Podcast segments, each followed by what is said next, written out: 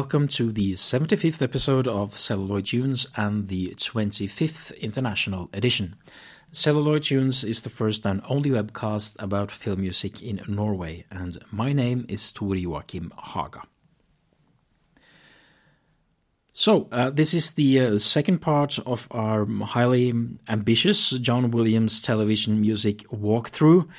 And to uh, those of you who haven't heard the first part yet, I suggest you do so first because this is a chronological walkthrough um, by the age of the television shows themselves. And as I said last time, there is still a lot of stuff missing. I mean, I'm I'm 45 years old, and I consider it a, a lifelong project to find all of Williams' TV work. Um, but at least we can showcase what we do have access to. Uh, so, without further ado, let's get back into it. And last time we left off with Wagon Train. Uh, the next series on our list is Markham which ran from 1959 to 1960, uh, uh, two seasons on CBS, uh, about a private investigator slash lawyer called Roy Markham, played by Ray Milland, uh, who takes on a number of cases as well as solving various crimes and, and everything in between. Um, John Williams only scored one episode of this series because that was also part of his job while under contract with Revue. Uh, he didn't only do multiple episodes of television shows, uh, like, you know, uh, 45 episodes for Bachelor Father, which we talked about last time. He could also do sort of single uh, throwaway episodes of certain series, um, and Markham is such an example. So uh, Williams does season one, episode two, uh, called "Woman of Arles," and the premise is as follows: A priceless painting by Van Gogh is stolen from a New York museum, and a watchman is killed. The insurance company hires Markham to find it, and a mysterious letter lures him to a town called Santa Maria. I'm going to play the uh, sort of mysterioso suspense cue uh, from the opening, where the uh, the painting is stolen.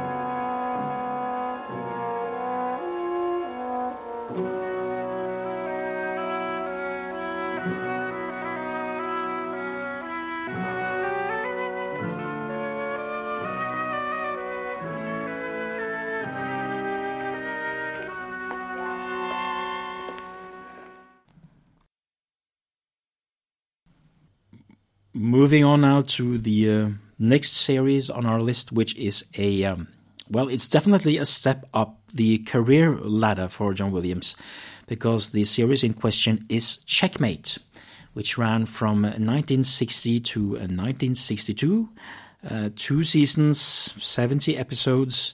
Um, it's a series about a detective agency called Checkmate Incorporated uh, that tries to get involved in cases where they can prevent crimes before they happen. Uh, it's almost like a sort of minority report type premise, only without the, the, the science fiction element. Uh, the company is uh, run by three men.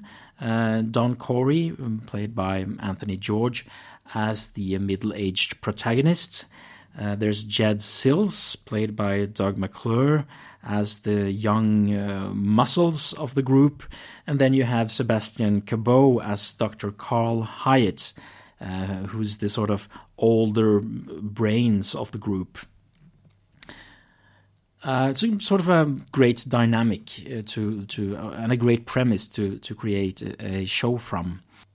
So finally, John Williams gets involved from the beginning because earlier he has been involved from season two onwards, but now he gets involved from the beginning of a television show, which means that he can put his own musical stamp uh, on the show a stamp that is very much in the sort of big band crime jazz style. Uh, he provides the theme and he does all 36 episodes in the first season, as well as four episodes in uh, season two. Uh, season two also has other famous composers like Marty Paich, uh, Pete Rugolo, Morton Stevens, and even Stanley Wilson himself.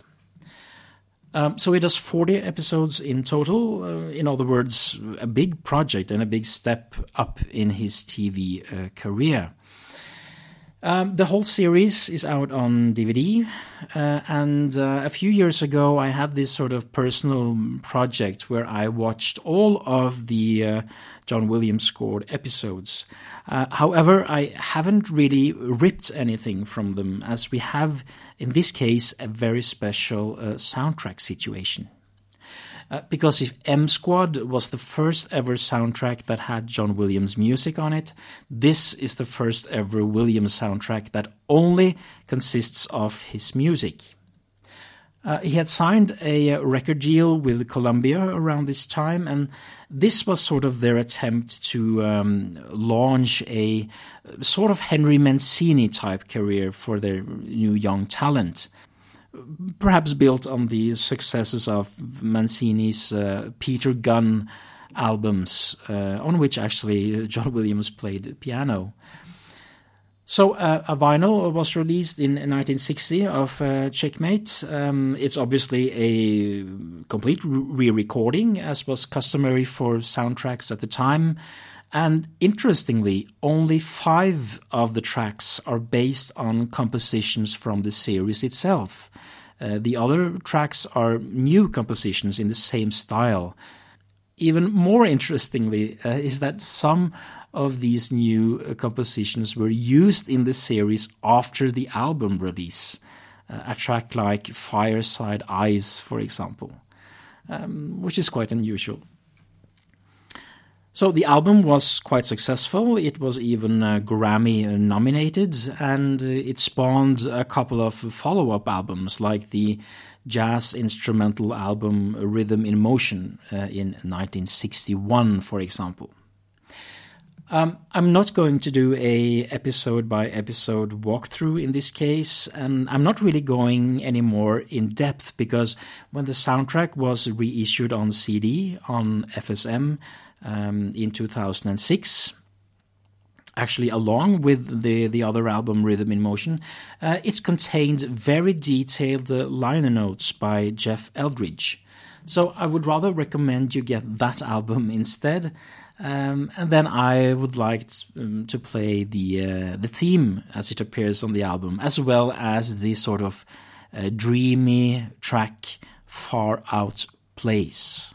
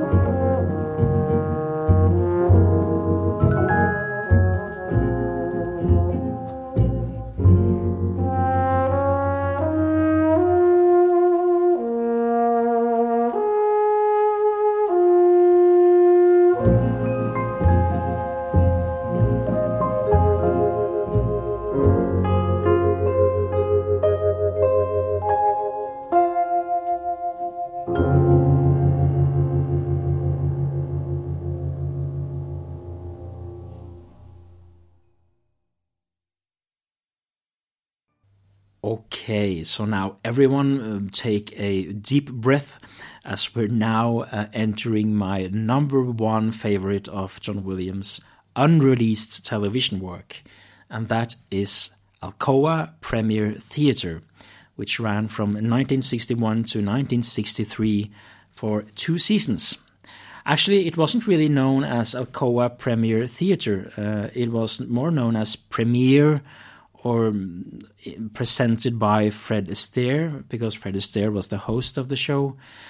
But it was uh, an anthology show sponsored by uh, Alcoa, uh, the aluminium company of America, which I still think is a ma- major player.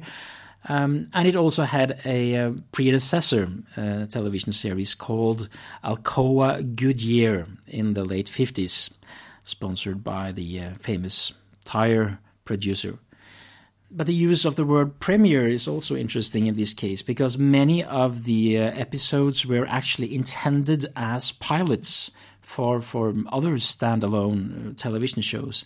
Uh, a few of them were picked up, but that's something that I will uh, get back to you know, this was a great opportunity for John Williams because um, now he can work on a sort of wide variety of genres, uh, often quite exotic locales or, or interesting settings somehow. Uh, and just as with Checkmate, he's once again involved from the beginning, uh, writing the theme, and for the only time in his career, writing all of the music for a television show. That means both seasons uh, 56 episodes in total, uh, 28 each season. Uh, personally, I've managed to track down 30 of these episodes, um, which means a little over half, um, from various sources, and most of them in season two, some in season one. And a couple of years ago, uh, I spent quite a considerable amount of time ripping all the sort of prologues and main title sequences that had little or no dialogue and, and sound effects. And that's really what I'm going to, to present for you. But first off, here is the theme for the series. Um, this is the uh, extended rearrangement that was done for the Stanley Wilson album Themes to Remember from 1962.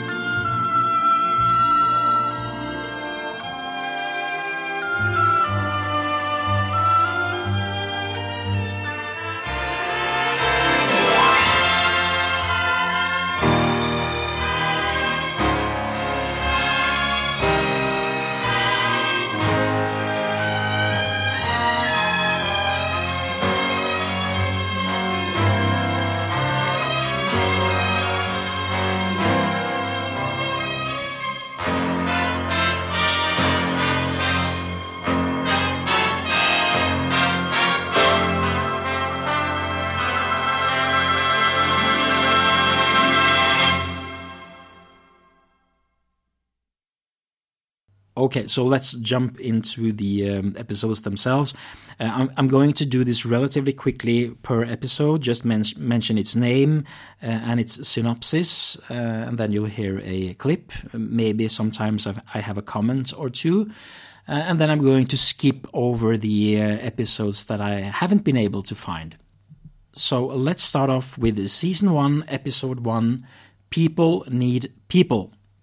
Dr. Harry Wilmer has just 10 days to prove his radical method of treating violent war veterans will work. And here's a clip.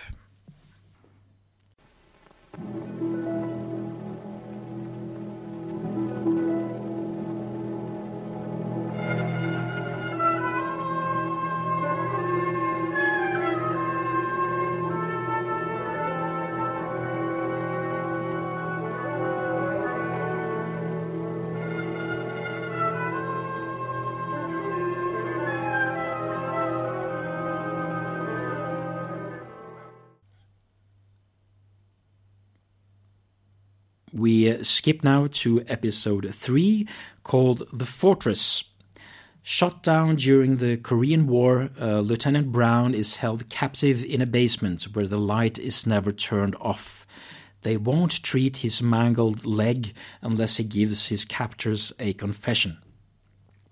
Uh, this little cue actually starts off as a nice little fugue in the uh, classical John Williams style.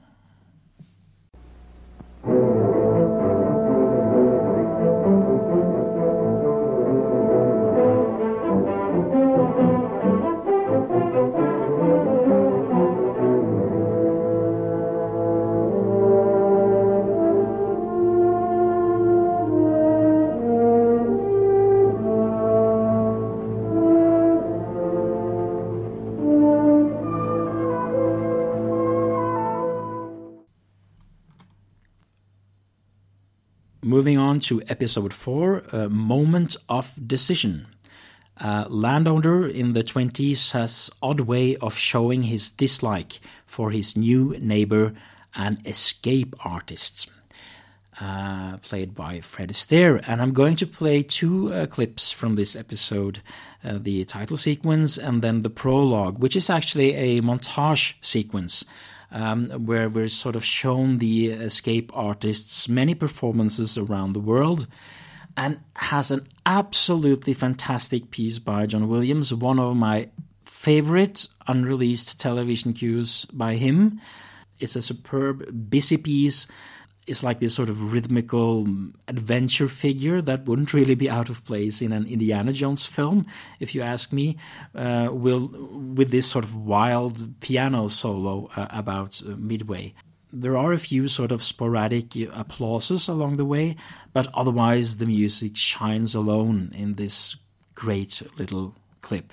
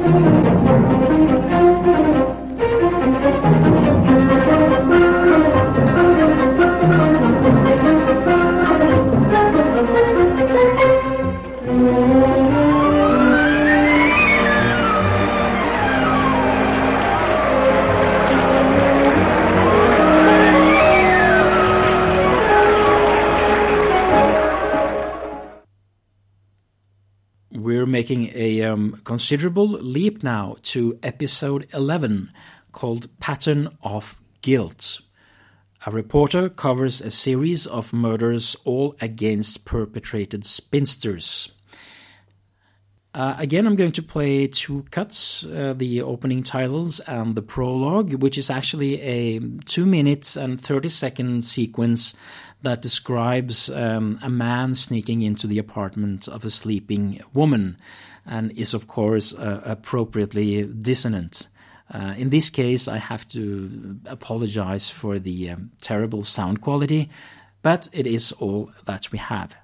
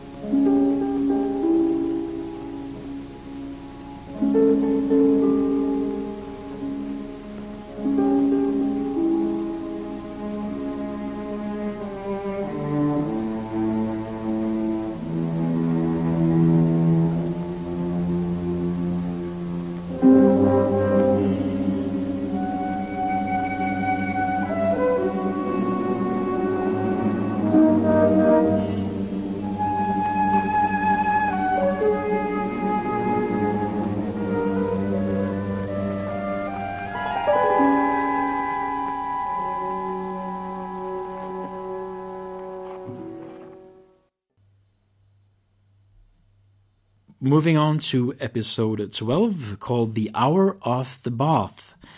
Uh, American agricultural expert Henry Detweiler is a prisoner of Vietnam under sentence of death. And, uh, you know, I spoke earlier about this show um, being an opportunity for John Williams to explore sort of different exotic locales. And this is an example of that. There are some sort of slightly ethnic elements in the music, especially a sort of flute swirl that you're about to hear in um, this little clip.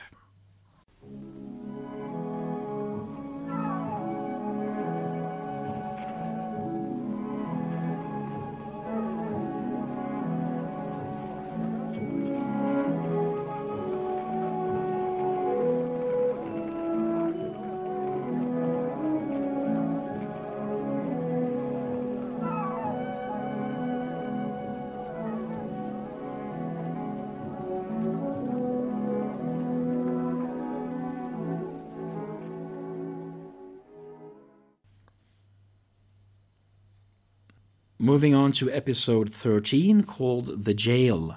Uh, this was actually uh, an episode that was supposed to have been shown as part of Alfred Hitchcock Presents, but then was shown in Alcoa uh, instead. Uh, Alfred Hitchcock is actually credited as producer on this episode, which is also written by the legendary uh, Ray Bradbury. It's a science fiction story. Uh, and in this sort of future time, a young man is charged with an offense against the state and marshaled into a huge building crammed with banks and banks of computers. Uh, these computers absorb and assess the evidence, the circumstances, and the facts in his case, and all of them are operated by one master button pusher. and uh, it's a quite a crazy episode, and it, and the music in this case is about as wildly modernistic as John Williams can get. Uh, there are almost some sort of Jerry Goldsmith like element at times. Um, and it has these uh, sort of very famous echo effects that were quite typical of uh, science fiction of the era. Again, I have to apologize for the terrible sound quality, but still, I wanted to play two uh, clips for you, and that is the main title sequence and then a sequence, sort of a, a longer sequence, whereby uh, the mind of the defendant is put into the mind of an older dying man through some sort of mind meld machine.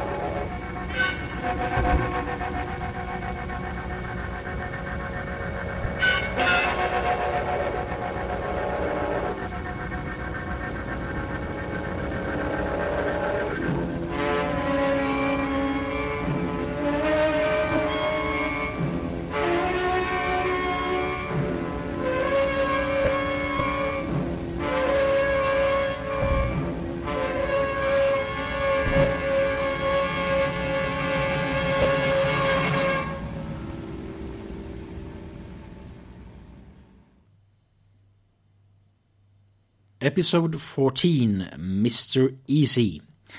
Andrew Whitbeck is bored of his successful business and decides to chuck it all and enjoy himself. Uh, starring once again Fred Astaire, and the music is sort of a very light, sitcom like lounge style.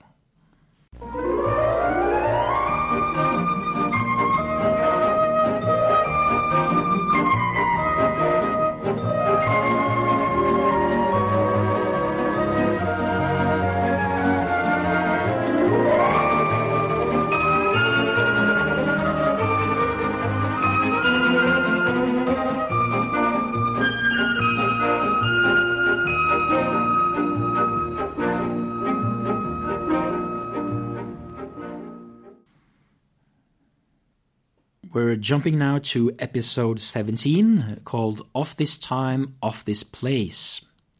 Um, a college teacher's new job is made difficult by a brilliant but uncompromising student. That's the sort of premise.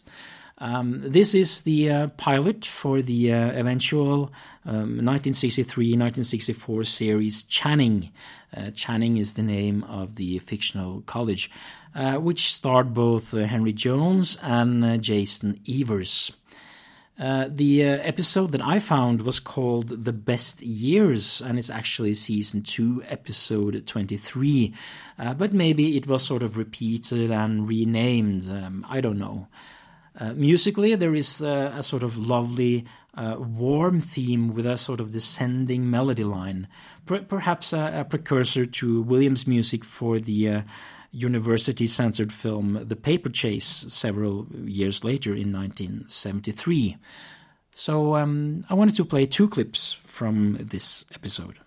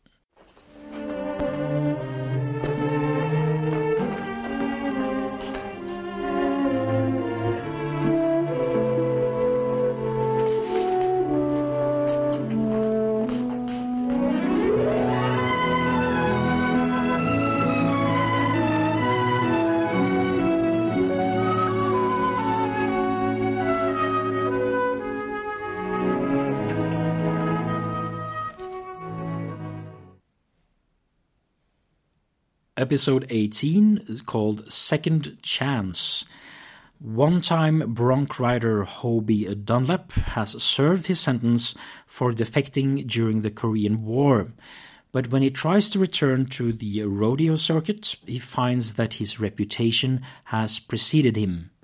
If the story of this episode sounds familiar, it's because this episode was used as a pilot for the spin off series Wide Country, uh, which ran from 1962 to 1963, where Williams' theme for the episode was arranged as the series theme. Now, if Williams did this new arrangement himself, um, I don't know, but it was released on an LP compilation of TV themes. Um, so you have these sort of cloppity clop uh, rhythmical bass you have uh, wood blocks, and then you have this sort of nervous brass motif on top, perhaps to elude the the horse riding and the the, the, the rodeo scene. Um, so what I wanted to do is to play the original theme as it's heard in the episode itself, and the uh, re-recorded theme from the um, LP. Thank you.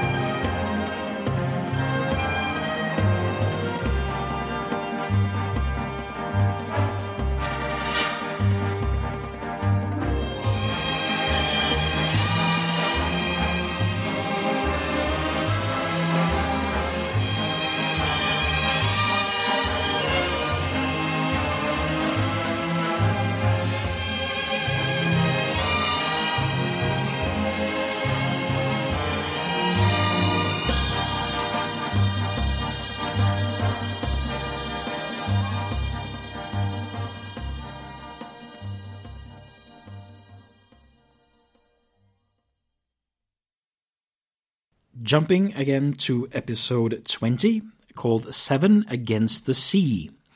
Uh, during World War II, a stranded group of American PT boat crewmen hide out on a remote South Pacific island controlled by the Japanese Navy. Uh, this drama served as a pilot again for the eventual 1962 um, to 1966 comedy series McHale's Navy, which starred Ernest Borgnine. Uh, while uh, this episode was actually a combination of drama and comedy, uh, when the series was eventually made as McHale's Navy, it was basically reshot as a pure sitcom with a new theme and, and, new music. And as far as I know, I don't believe any of Williams' original music was reused. Um, but what he does use in this episode is a sort of sea shanty theme that he uh, uses in many shapes and forms. Uh, and that could easily have been the theme of uh, McHale's Navy if they had chosen to, to reuse it. Um, so anyway, I wanted to play a little clip from from that. Uh, again, I, I, apologize for the uh, the bad sound quality in, in this case.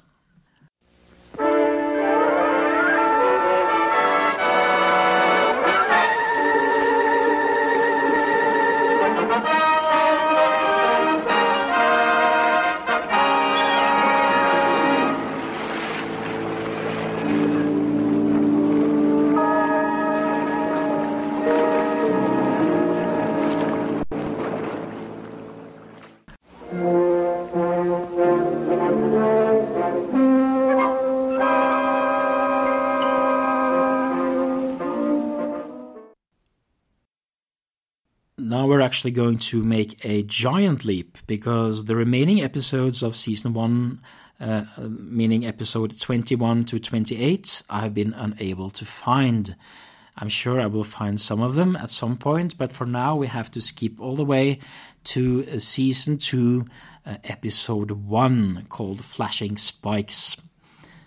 Ex baseball player Slim Conway is accused of bribing Bill Riley, whose error cost his team a World Series game.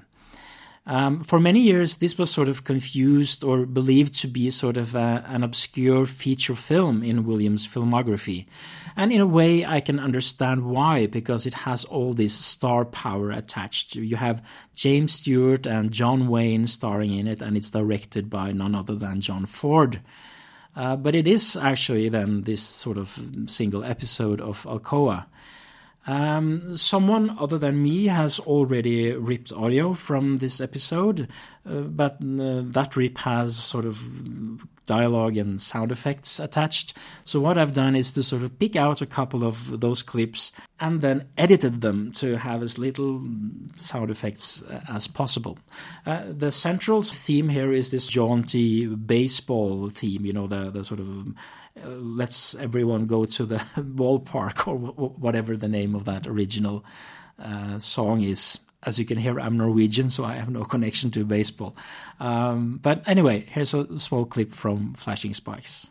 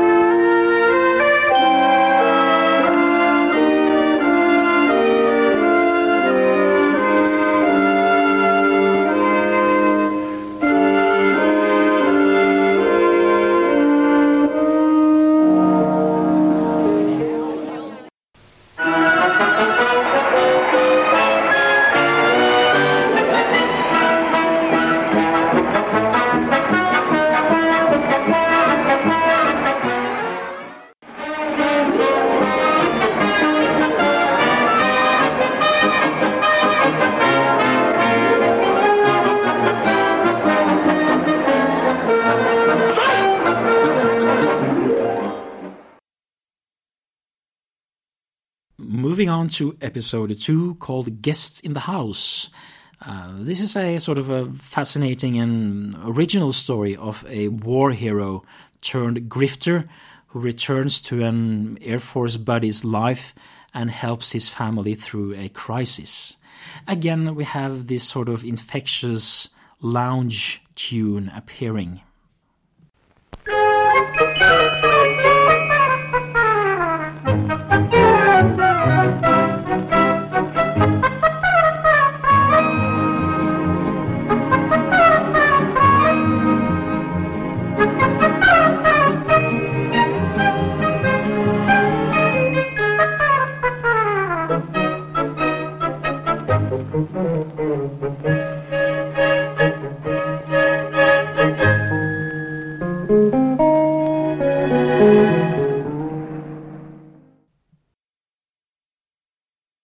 Episode 3 The Long Walk Home. If high school football coach Paul Watson doesn't lose a championship game, a blackmailer threatens to circulate a certain photograph. Um, again, it has that sort of let's all go to the ballpark tune aspect again, uh, like flashing spikes, only sort of slightly more, um, I guess, melancholic.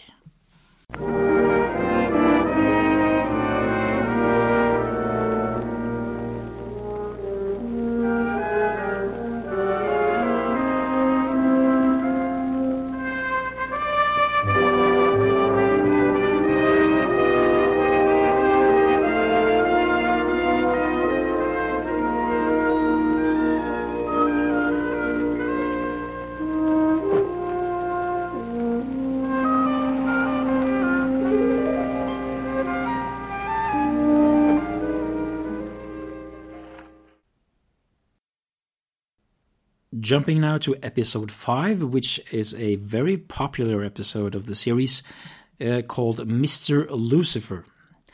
The devil himself, played by Fred Astaire, um, is a hard bitten businessman with a group of somewhat bumbling yes men on staff and a curvy assistant in the person of Iris Haynes. Together, they use their best temptations in an attempt to thwart the honesty and decency of a young suburban couple. Uh, there is a sort of very devilish, seductive aspect to John Williams' music. He uses a sort of lot of low brass and woodwinds uh, wobbling ahead, and in many ways, perhaps a precursor to the Witches of Eastwick, maybe. Uh, so I'm going to play two clips from this episode. Uh, the second clip is a uh, pub scene uh, that has Fred Astaire as the devil slash bartender preparing this sort of smoking uh, weird drink. And then suddenly a lady descends a spiral staircase with the, the obligatory femme fatale sleazy brass. And uh, finally, I'm also going to play a little bit of rockabilly source music that John Williams composed for this episode that allowed uh, Astaire to to dance a bit because you can't have Fred Astaire uh, in an episode without a little bit of dancing, after all. So this is Mr. Uh, Lucifer.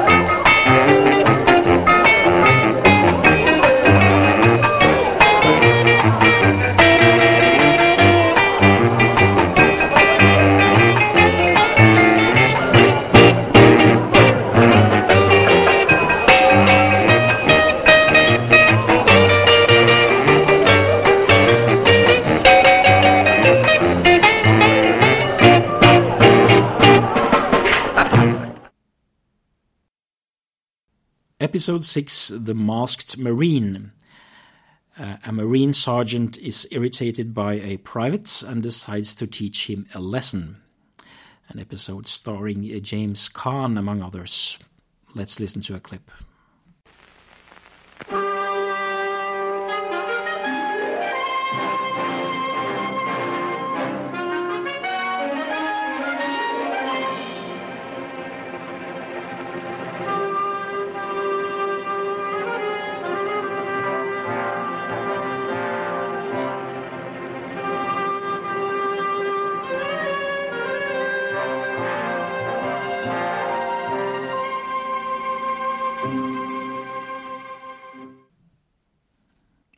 Episode 7 Ordeal in Darkness. Always independent, John Miller forges ahead despite temporary blindness. His wife, however, believes he should depend more on his teenaged son. Um, this is slightly darker, it's more sort of explorative music, perhaps a bit like the blindness itself, trying to capture uh, John's blindness through the music. Thank you.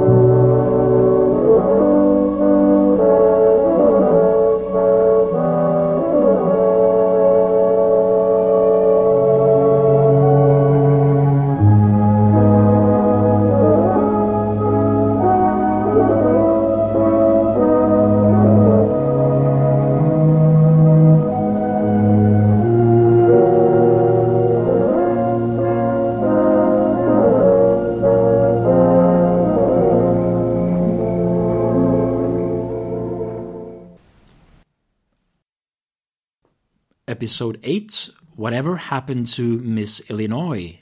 A reporter asks that question about Miss Illinois and other losers of national contests. This is sort of a, how should I say, a very typical John Williams melody line with, with those familiar half note uh, endings.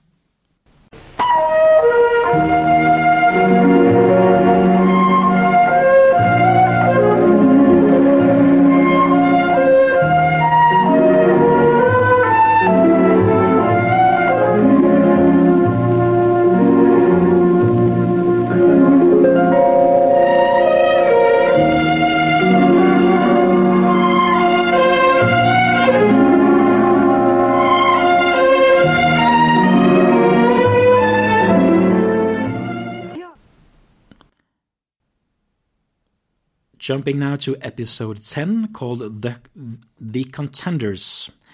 Three unprincipled uh, actresses vie for the Best Performance Award at a film festival. And as expected, John Williams composes this sort of very romantic, elegant, Hollywood glitz type uh, theme as the central piece of this score.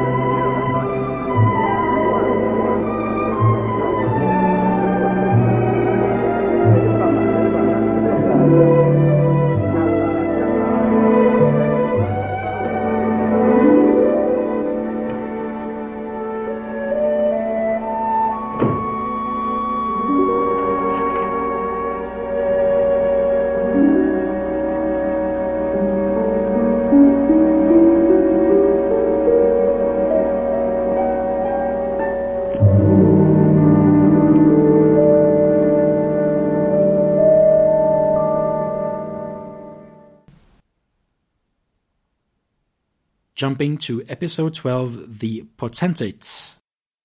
Disquieting is the word for Stefan Tomarov's first visit to New York City. As Minister of Economics and Foreign Trade for a communist satellite country, Tamarov has no trouble with his official duties. It's the little things that bother him. His daughter Svesta is seeing an American reporter much too often, and his best friend Andreas Vrim, his country's UN delegate, has confided a few thoughts to Stefan that could be interpreted as treason. So, a, an episode about international intrigue which is reflected in John Williams' music as well, especially the sort of bold uh, brass statements that you're going to hear.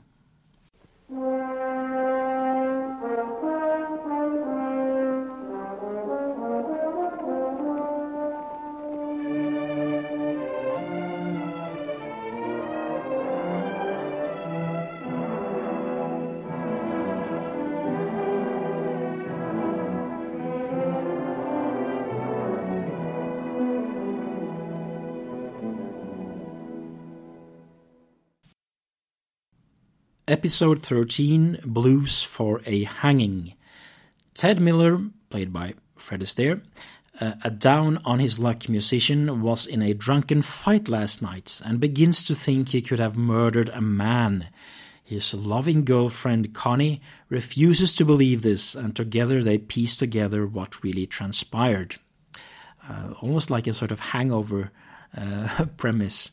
Uh, interestingly, and as a sort of little bit of trivia, uh, the uh, girlfriend is played by Lurene Tuttle, who uh, was the mother of Barbara Ruick, the wife of John Williams.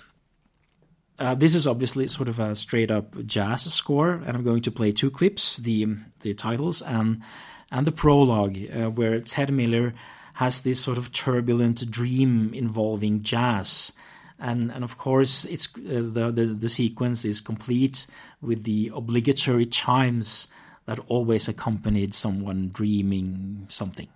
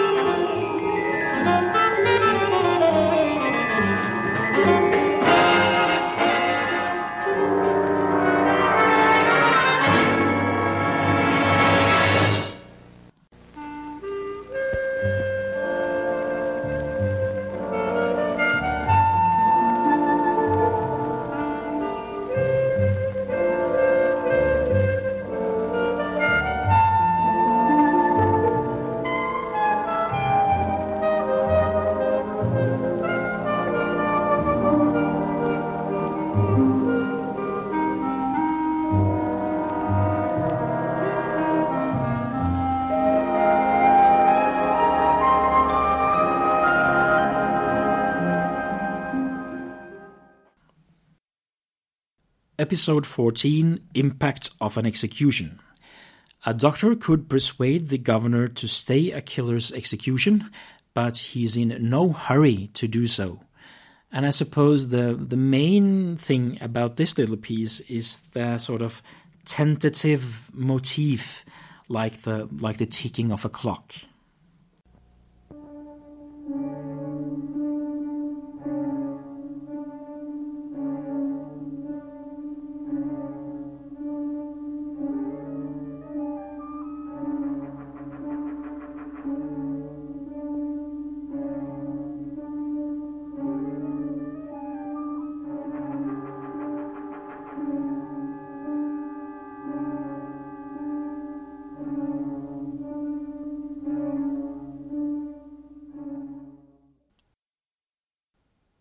Episode 15 Lollipop Louie.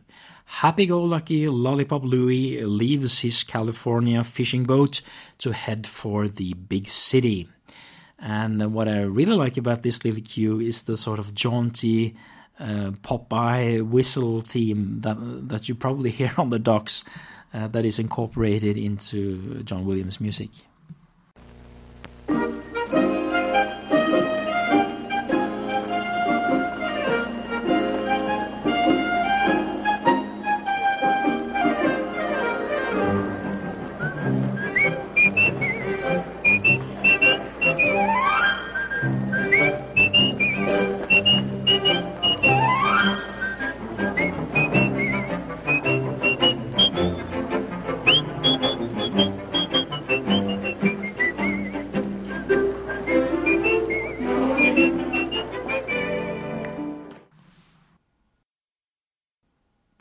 Episode 16 The Glass Palace.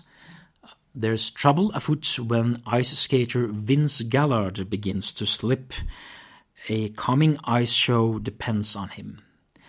Uh, this is quite dramatic. There, there, there is this sort of melancholic uh, prologue that foreshadows the uh, the events, really, and that is also mirrored in the music.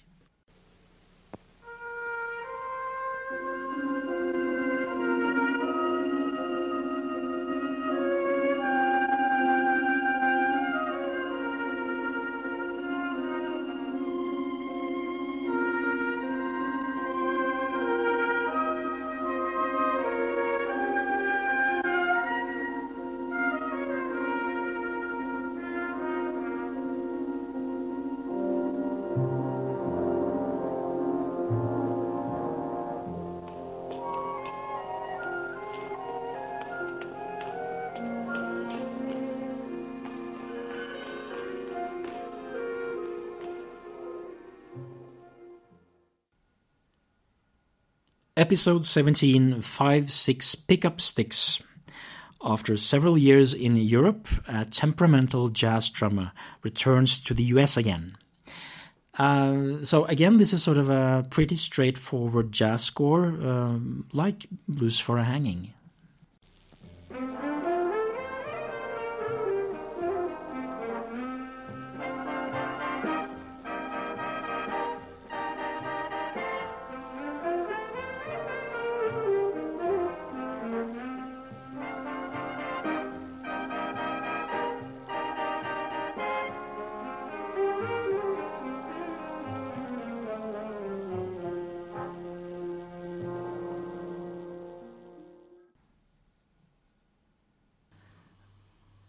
Episode 18 uh, George Gobel Presents.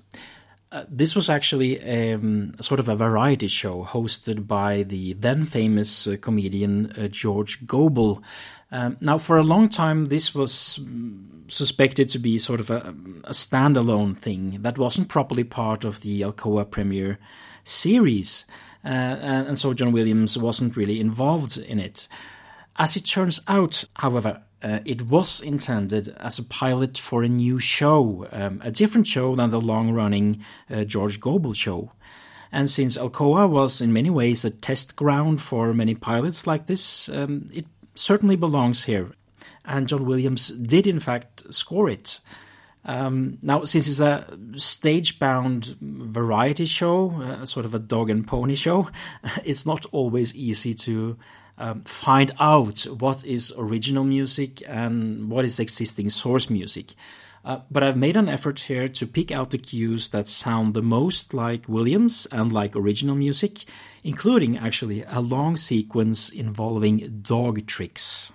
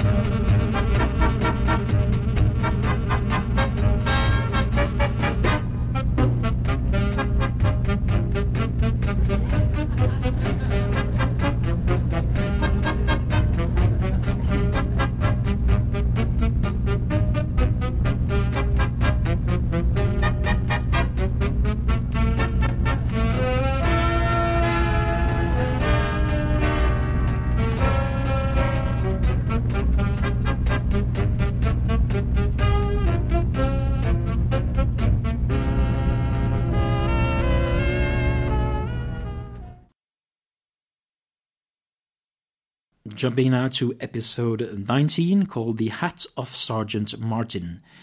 Marines Michael Lujack and Clinton Martin fight over women, but fight well together when it comes to Latin American revolutionaries. They're stationed in a turbulent country south of the border during the 30s and assigned to hunt down insurgents in the mountains. And again, I suppose John Williams is allowed the opportunity to play around with, in this case, South American folk music tropes, which is kind of interesting.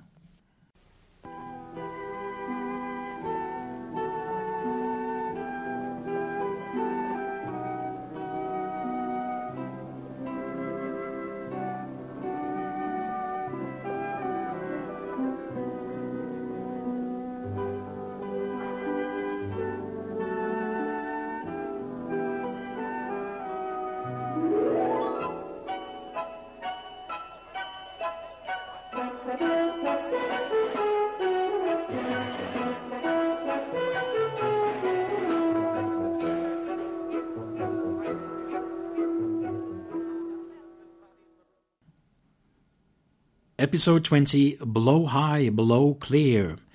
Doyle, a young seaman just arrived from New Orleans, is in a quandary. His friend Harlan is deeply disturbed over parental problems, and Doyle has stumbled onto something in the French Quarter which could throw Harlan and his family into a real spin. Uh, and I suppose the main takeaway from this cue is a sort of a soulful trumpet theme, which has this almost sort of film noir like vibes.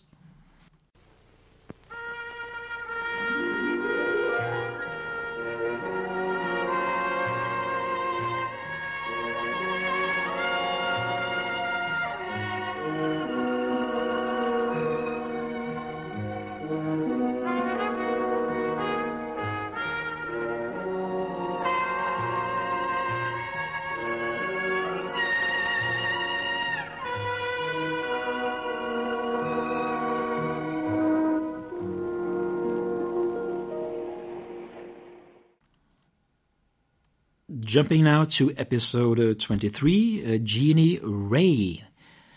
When her grandmother dies, timid Jeannie Ray must move in with her hostile brother and sister in law. Uh, that's sort of the premise. Uh, this is a delightful score, I must say. I'm going to play two clips. And the prologue, in this case, shows Jeannie outside in the woods making bird noises. So, hence the sort of brief chirping uh, in the clip. But uh, as I said, this is probably my favorite uh, next to the uh, moment of decision cue of all the Alcoa scores. It's so lovely, it's so bittersweet, it's, it's almost Georges like in style, uh, especially that sort of skipping, the, the sort of light quality capturing the, the innocence of childhood.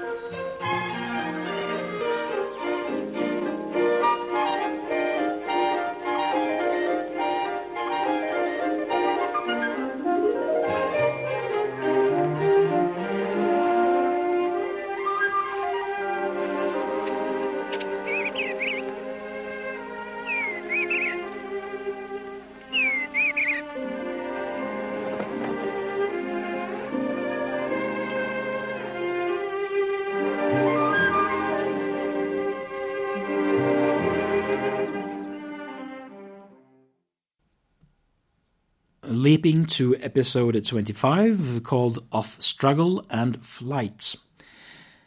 Karen Evans seems normal enough to her husband, but now, for the second time, the Missing Persons Bureau has been sent searching for her, and this time her clothes have washed up on the beach. And um, of course, it's a very dramatic, like a news headline, reflected in the music as well. Uh, the takeaway for me here, anyway, is that this sort is this sort of very cool uh, xylophone backdrop.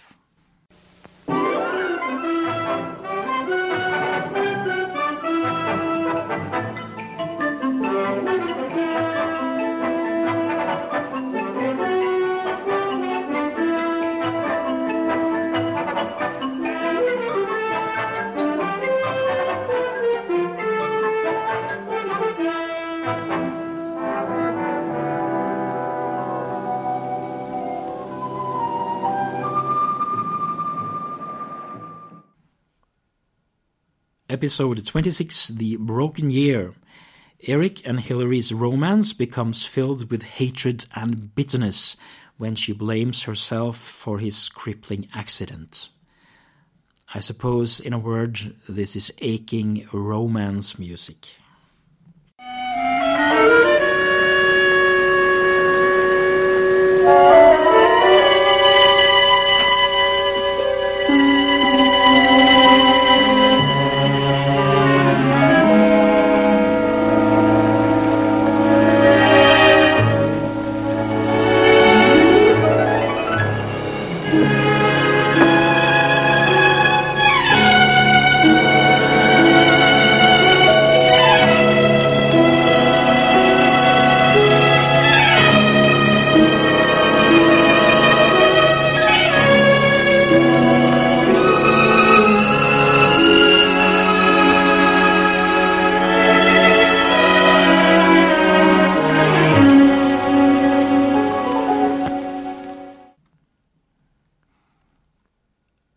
Episode 28 A Million Dollar Hospital. Young Dr. Grant, played by um, a young William Shatner, answers a medical journal ad offering a reward practice for $1 million, but the rundown emergency hospital that he finds hardly seems a lucrative enterprise. What I wanted to say something useful here, but the, the, the quality here is super bad. It's the worst of, of all of these clips. Uh, so I'm just going to play it and get it over with.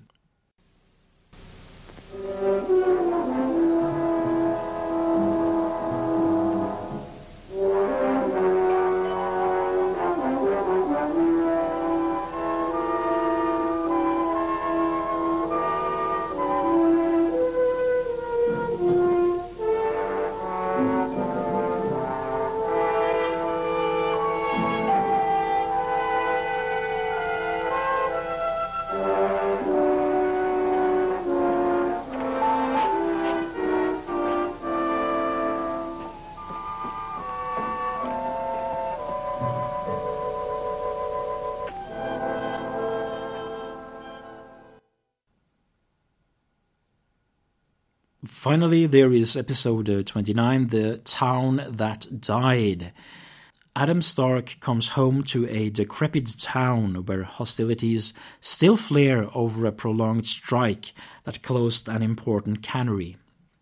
And I'm going to play two clips the titles and the prologue. And in this prologue, uh, Adam Stark, uh, played by Dana Andrews, arrives at and rummages through the seemingly deserted town uh, and there's some very sort of nice string harmonies. Uh, and since the prologue runs almost without sound and dialogue for an unprecedented four minutes, it, it gets Williams the chance to develop some material. Um, this is the last time that I will apologize for the bad sound quality, uh, but I have to. Anyway, here's the uh, the town uh, that died.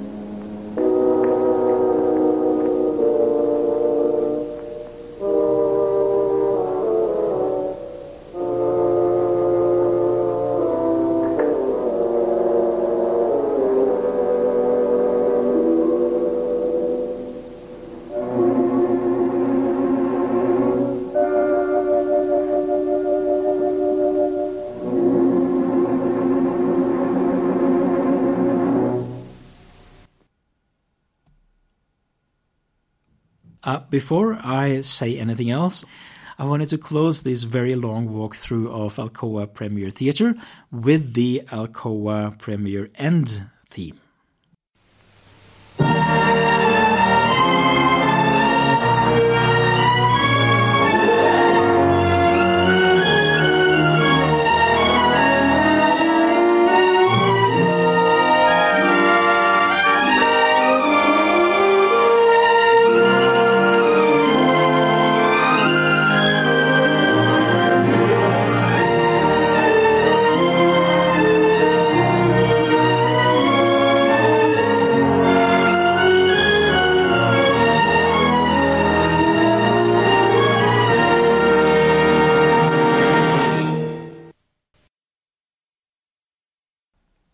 Okay, you can you can breathe again.